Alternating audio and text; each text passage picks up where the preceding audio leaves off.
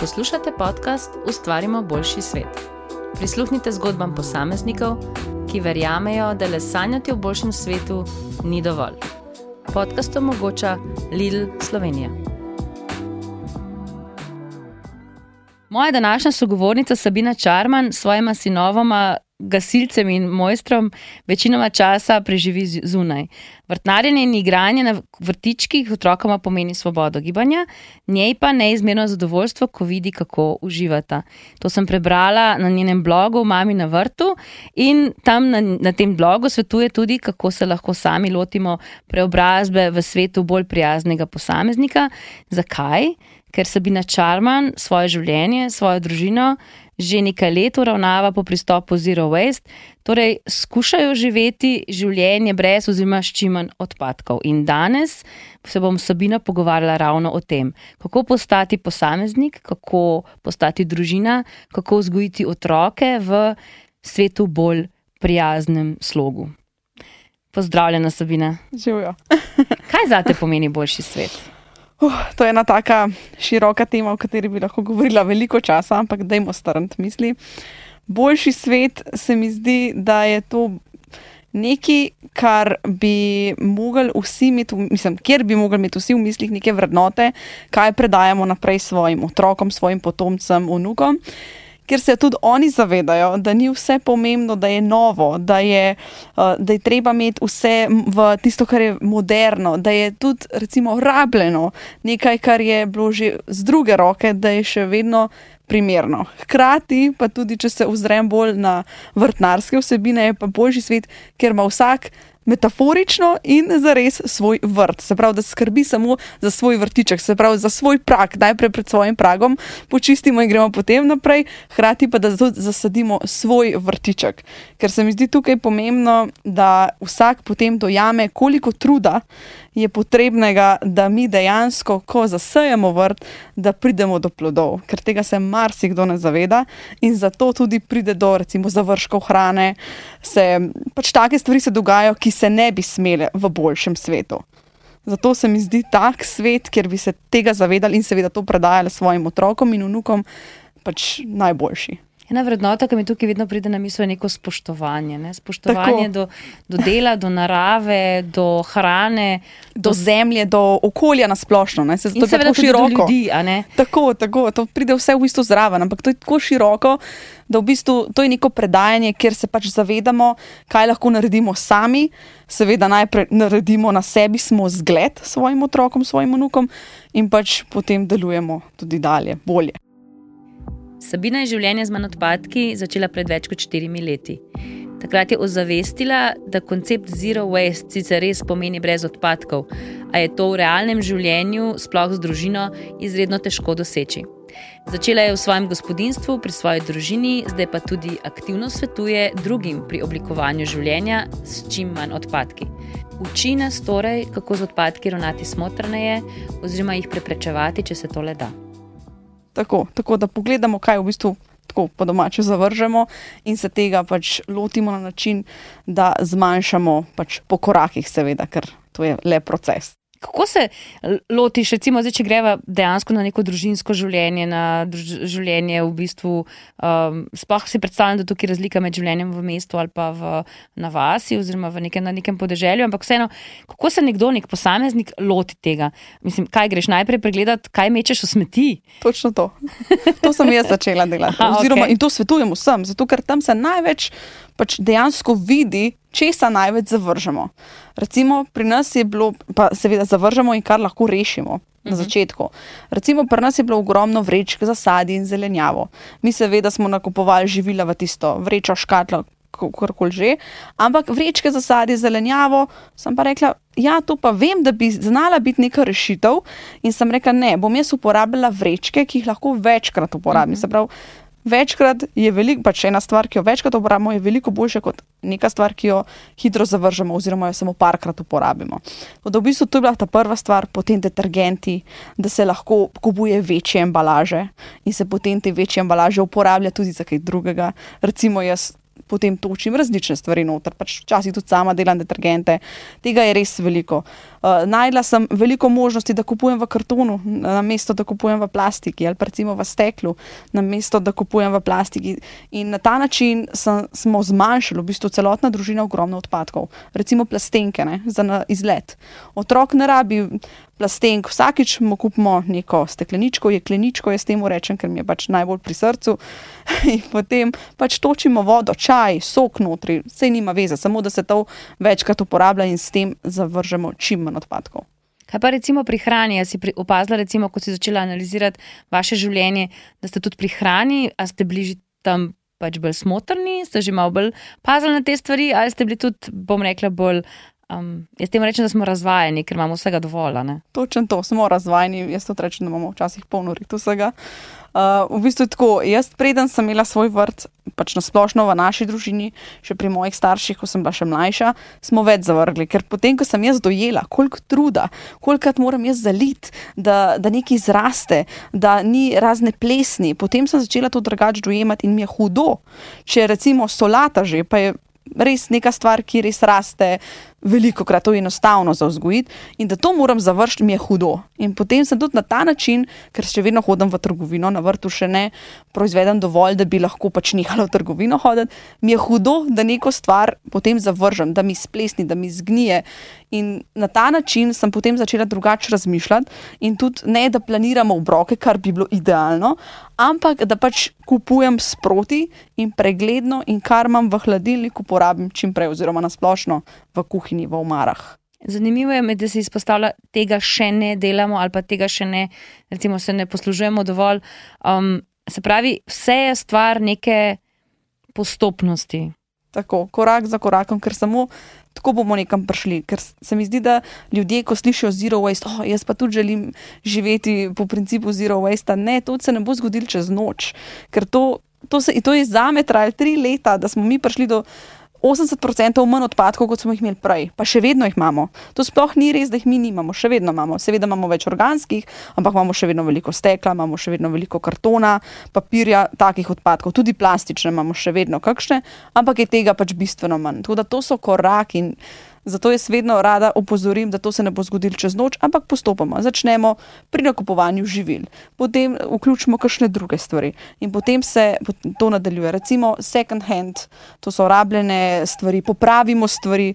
Recimo velikrat ljudje zavržemo nekaj, pa bi lahko samo, ne vem, nekdo popravil, ali pa mogoče v družini imamo očeta, detka, ki bi se pa lotil tega, recimo po zimi, dovolj časa, pa pa odpre tisto stvar in popravi. In evo, delaš recimo pol leta, leto, pet let, vse pač to je v bistvu samo to, da dajemo neko. Da pač Je še vedno trajno, no? tako da, da damo življenje, da, da dovolimo, da ta stvar še živi. Kako pa zdaj se recimo ti lotevaš vzgoje otrok, ki ne na zadnje hodita še zmeraj v vrtec, se pravi, imata stik z nekimi drugimi vrednotami drugih uh, družin, tudi ne na zadnje šolskega sistema. Kako, kakšni so bili tvoji koraki, kako jih prepričati, oziroma kako se tega lotevaš? No? Ja, jaz sem, pač, mestko rečem, jaz sem imela srečo z tega vidika, da sem starejšega sina, pač on je tudi zgled mlajšemu potem, začela na to prvajati že od mehkega. Se pravi, on je bil star tam tri leta, pa pol, štiri, takrat še ne dojemajo tega, kaj morajo imeti, ko pridejo recimo kasneje v šolo, pa uh, tam pa jugijo karte, tam pa te stvari, tam pa ne vem, taka oblačila. In mi je bilo bolj enostavno, zato ker pač sem mu po jaz zgledom pokazala, Lej, ti si lahko zbereš sladkarijo, samo naj bo ta taka, da lahko dava midva pač v papir, karton, pač v posodico, tako rekoča. Ne? In ni bilo takih težav. Zdaj, ko je starejši, se pogovarjava o stvarih. Mm -hmm. Zakaj jaz recimo ne želim, um, recimo, kakšne plastične stvari, še vedno kupimo, daleč od tega, da ne bi več kupovali plastičnih stvari oziroma plastičnih igrač, sploh zaradi mlajšega sina, ker ta je mal bolj um, tak, da me prepriča hitreje, da nekaj nujno rabi. Ampak vseeno je pač pri starejšem, se mi zdi, ker je starejši, je lažje to mu pokazati, razložiti, da kje bo ta plastika, kje bodo te stvari končale. Uh mhm. -huh. Ker jaz se vedno s tem obzirom, ko grem v neko trgovino, o, lesena igrača. Okay, kaj se bo zgodilo s to igračo? Ta igrača je lesena, torej tudi če jo mi zavržemo po enem letu, pa je ne bomo, seveda, ampak kaj se bo zgodilo, razgradila se bo v zemljo, v kompost. Tako da tukaj ne vidim težav. In potem ga tudi njega želim z zgledom, s pogovorom, s komunikacijo, pač na splošno, pokazati, ga prepričati, da je to pač pomembno, kje bo neka stvar končala sem imela pa tudi srečo, da smo potovali po svetu in sem mu uh -huh. lahko pokazala v morju, le plastične slamce, le plastične stvari. In je on tudi pač s tem dojemal. Pač dejansko sem mu pokazala, tudi slike gledava, take stvari. Ne zdaj to na dnevni ravni, ampak tako občasno se pogovarjava ali pa ko si nekaj zaželi kaj bo to pomenilo, kje bo ta stvar končala. Aha, mogoče kaj se je zgodilo, ker se ti ne boš več s tem želel igrati. V redu, bo slikala, prodala, bo nekdo drug kubu, kar tudi ni slabo, ker gre ta stvar naprej in ne gre v smeti. Ampak si se, recimo, srečala s kakšnim izzivom, recimo v svoji neposrednji okolici, recimo v družini, um, so bili kakšni dvomljivci, da jim malo razložiti, ker taki znajo biti včasih kar strupeni. Uh, predvsem na začetku, ko se mogoče nekdo odloči, da zdaj bo pa nekaj spremenil, pa si večkrat bolj občutljiv ja. um, na, na neke take vplive iz okolice. Kako si se s tem, kaj si doživela, oziroma kako si se s tem spopadla? Recimo? Bom tako rekla. Po eni strani sem imela pozitivne odzive, kot je rekla babica, ja, tako smo včasih živeli. Aha, to je res. To je super, pa tudi moja mama, recimo, uh, za pralne pleničke, ko sem se odločila, ne, je rekla, ah, zdaj bo pa, pač vse jaz sem tudi prala, je rekla, ne, ampak zakaj bi pa ti, pač pa tudi do, do drugih je to rekel, ne, ampak po drugi strani sem imela pa tudi težavo s prijatelji. In pa, pač pa so dejansko prijatelji, tisti, ki so blizu mene, in pa s tistimi, ki so prijatelji od mojih otrok. Ker starši niso vsi navajeni, oziroma redko kdo je navajen tega, da jaz rečem, mi bi pa raj, recimo, obisk nečesa, da nekam gremo, nek muzej za darilo. Ne, primer, da rečem, mi ne želimo nekega materialnega, neke materialne stvari, nekaj igrače, ampak želimo nekaj, kar doživetje. Kamor, ja, doživetje, aktivnost, nek, nekam, da se gre. In jim je bilo to malce težko dopovedati, hkrati je bilo pa tudi meni težko, če po pravici povem, to napisati v vabilo, ker to dejansko, kako boš ti skomuniciral s prijatelji, starši od tvojih otrok, ko ti ko otroku nekaj prenesejo za darilo, pač tle je bil kar izziv.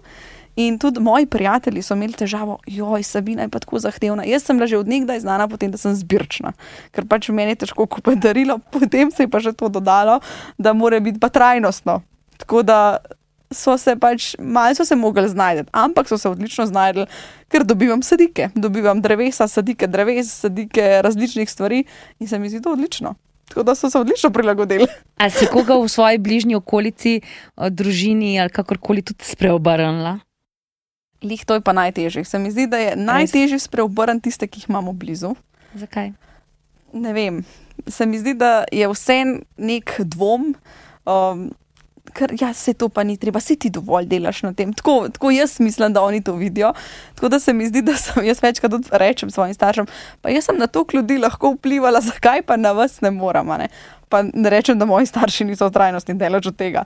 Ker pač on, ona dva sta v bistvu starša, sta mene naučila, da se ne kupuje vsega novega, da se kupuje rabljeno, da ne rabimo toliko stvari. Se, to sem ravno hotela reči, ja. da vedno si imela vseeno ta nek vzgib položen v zibelko. Dve varianti sta. Ali je popolnoma obratno in se v bistvu ti kot, potem, kot otrok, odrasel otrok, nekako upreš avtoriteti staršev in njihovim načinom življenja, ali pa so vseeno te vrednote položene ja, ne, ja. v neko vzgojno schemo, bom rekla, v programček ki ga stavijo v nas. Je pa res, ne? jaz sem bila dosta tako otrok, ki sem pač želela imeti veliko igrač. Uh mhm. -huh. Mene tehnologija od nekdaj privlača, še zdaj me mobiteli, kamere, droni, vse ni da ni. In tukaj pač jaz sem se z leti naučila. Vse jaz v bistvu tega vsega sploh ne rabim. Ne rabim menja telefona vsako leto ali pa na dve leti. Ne rabim, kaj bom od tega imela, samo tisto veselje en teden, oh, da imam pa nekaj novega. In ta preobrat, v bistvu sem najbolj ponosna na to, no, če lahko rečem, na ta preobrat od materialista. Pač jaz sem se takrat imenovala, pač sem rekla, da sem res materialist, do tega, da zdaj rečem, ne, tega pa ne rabim. Pač, zato, ker pač to, kar imam, je dovolj, ker več stvari kot imamo, potem je tudi manj časa, ker za vsako stvar si ne moramo vzeti enako časa, ker potem zmanjka ur v dnevu. Tudi v bistvu je to bilo že starši z vsem, z vzgojo, uh, položeno mi vzipal, kot si umenila. Ne morem, da ne bi izrekla pomisleka, da je lahko prehod na manj odpadkov, na bolj naravi, prijazno življenje, precejšen izziv.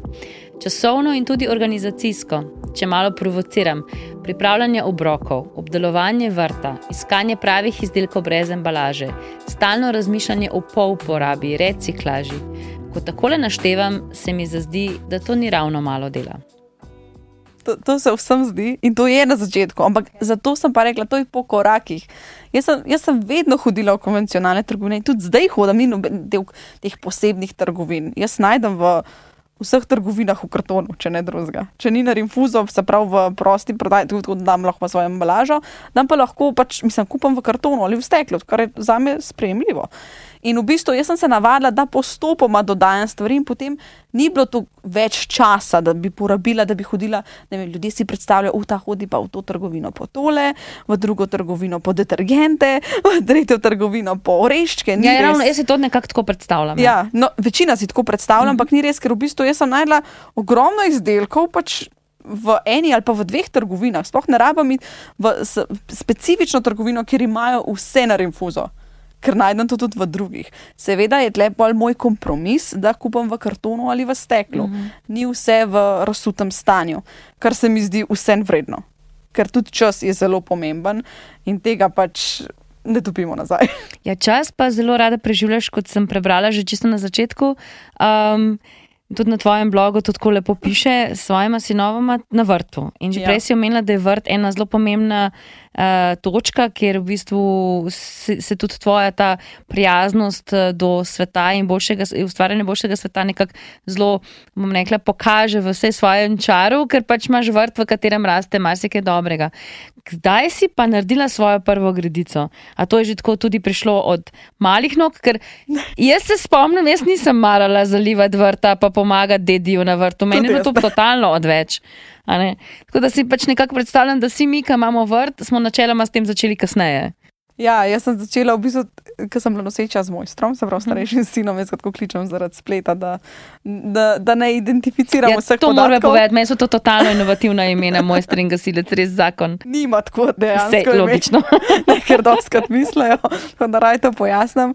Uh, tako da jaz sem to takrat začela, se pravi 2013, 2012, 2013, sva z očetom, oziroma da povem od začetka, moj dedek je bil kmet in smo, imamo neki parcel, nekaj zemlje okoli Ljubljane in sva eno nivo preuredila v vrtičke. Zato, ker smo želeli mi dva svoj vrt imeti, oziroma nekaj, kjer bomo pridelovali zelenjavo, ker pač v naši vrstni hiši to ni možno. Um, tako da v bistvu sva želela imeti svoj vrt, sva pa hkrati rekla, vse tukaj bi pa verjetno še drugi radi vrtnarali, bi radi imeli tisti, ki so v blokih, en prostor, kjer imajo nekaj gradic.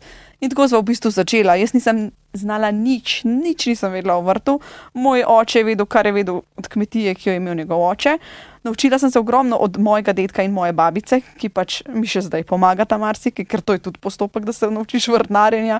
Jaz sem prvo leto grah presajala, ki se ga ni spoh ne presaja. tako da so se mi vsi smejali. okay. tako da to so res take stvari, ki se jih naučiš sproti. Sem bila pa res, tukaj je bilo res tako nasproti. Jaz sem bila včasih vedno samo noter za računalnikom, rada sem se z videoprodukcijo že od nekdaj ukvarjala, že v osnovni šoli. In ko sem prišla ven, sem imela res hudo alergijo. Jaz sem alergična na cvetni prah. In prvi dve leti sem, dve leti sem kihala non-stop, pa teklo mi je z oči. In tako sem pa tudi izgubila alergijo, na, mislim, zdaj jo imam res v mini, mini obliki. Uh mhm. -huh. In v bistvu to je bilo tisto, pač jaz sem zunaj na zraku, ker odprl sem je na svet. In potem, ko sem pač imela še otroka, najprej prvega, potem drugega, je bilo to kot eno igrišče za njiju. In to je bilo v bistvu meni idealno, zato ker sta se ona dva najprej plazila, potem sta se, zdaj se igrata, plezata po drevesih. Tega jaz nikoli nisem delala, jaz sem tipični mestni otrok, ki pač tega ni doživel. In to je meni čisto nasprotje, kar sem jaz včasih živela. In zato mi je to tako pomembno, ker ona dva tudi ne delata z mano na vrtu, kar dejansko ne delata zdaj tok, da je kaj posadimo skupaj, zalivata, da je kaj uh, pobirata delata najraj grah, pa korenje, to, da bi jedla, to itak najraj delata. Mata še celo ta mal kompleks, da če ni direkt z vrta, pa umito tam pod vodo, da ne bosta jedla.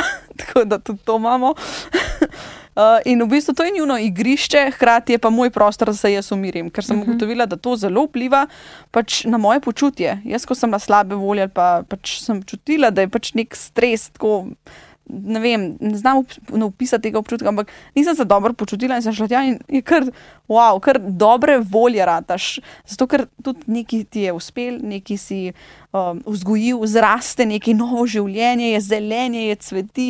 Wow, tako res nori občutki, ko zaseješ nekaj svojega in zraste. Da ti poskrbiš za to, da zraste neko novo življenje. Ja, ne? ja. to je fenomenalen občutek, res to jaz vsem priporočam, pa tudi na balkonu. Ja, to je v bistvu tudi zanimivo. Ne? Kar trend je postal v zadnjih nekaj letih vrtnarjenje na balkonu in gledam, kakšne tiste gredice so boljše, kot moje, ki so v naravi. Če si iskreno. Um, verjetno zato, ker je mnogo več ljubezni noter. Um, Tudi to zelo veliko pomeni. ja, ker pač pri meni je malo bolj tako, kot se mi da.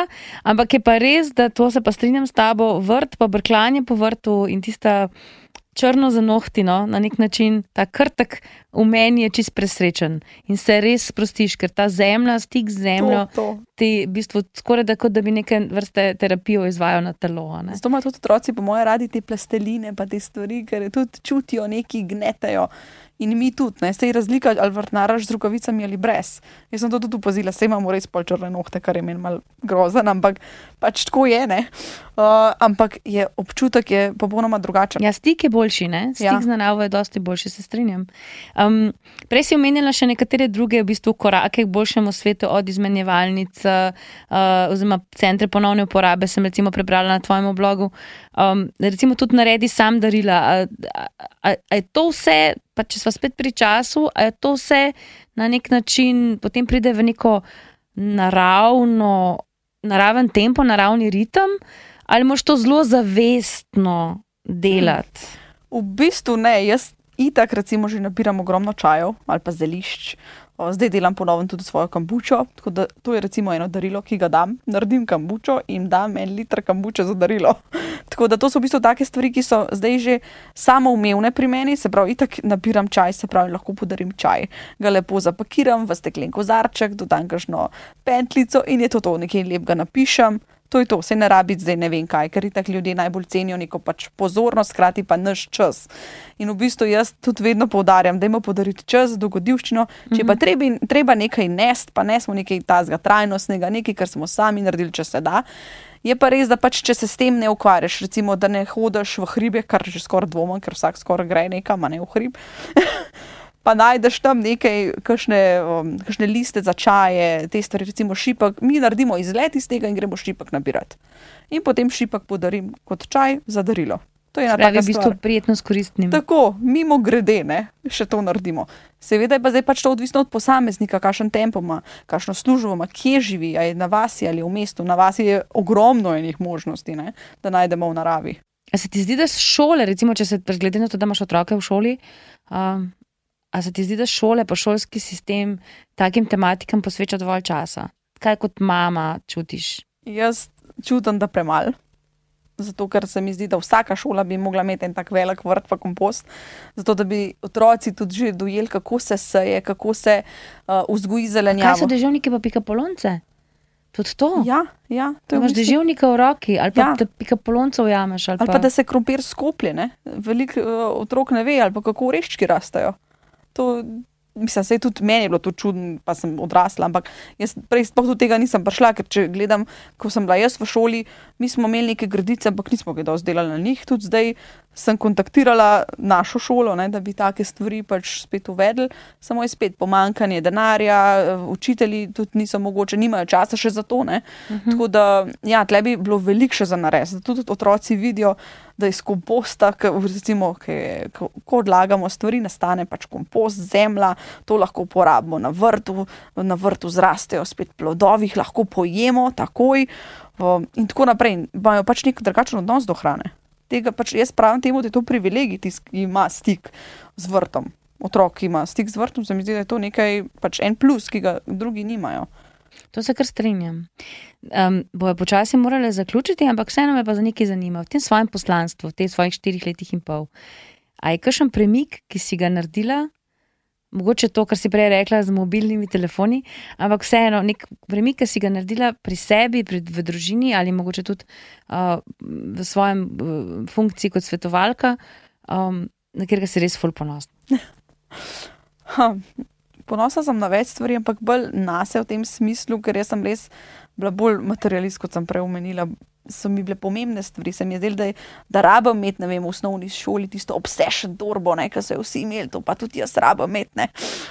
In v bistvu, če zdaj primerjam sebe zdaj, pa sebe takrat, sem na to ponosna, kam sem prišla jaz, miselno. Zato, ker pač ni to pomembno, v življenju ni to pomembno, koliko stvari imamo, ker konec koncev stvari ne bomo sabo vzeli. To je to. Bolj, je pomembno to, kaj doživimo, s kom se družimo, komu namenimo čas. Tako da v bistvu na to sem ponosna, na ta premik, kam sem prišla prej, odprej pa zdaj. Spravi so se ti v bistvu vrednote kar spremenile. Ja. Ja, nič. Naj rečem, da zaključujeva z mislijo, da za to, da ustvarimo boljši svet, potrebujemo tudi premik v sebi, eh, prevetritev svojih vrednot, prevetritev svojih dejanj in potem na nek način to se skupaj zaokrožiš z neko misijo, poslanstvom, z neko potjo, nekimi koraki k boljšemu svetu. A, Sabina, iskrena hvala za tvoj obisk Hvala na našem podkastu. In uh, z veseljem te bomo tudi spremljali na Instagramu, Mami na vrtu oziroma Mami in the Garden, um, kjer deliš na svete, kako. Mislim, meni je prav zanimivo, kako ne vem, ločuješ odpadke, skrbiš za, za vrt uh, in vse te zadeve, in se res uh, lahko veliko od tebe naučimo. Tako da zelo hvala, da si prišla. Hvala za povabilo, res. Sem zelo vesela.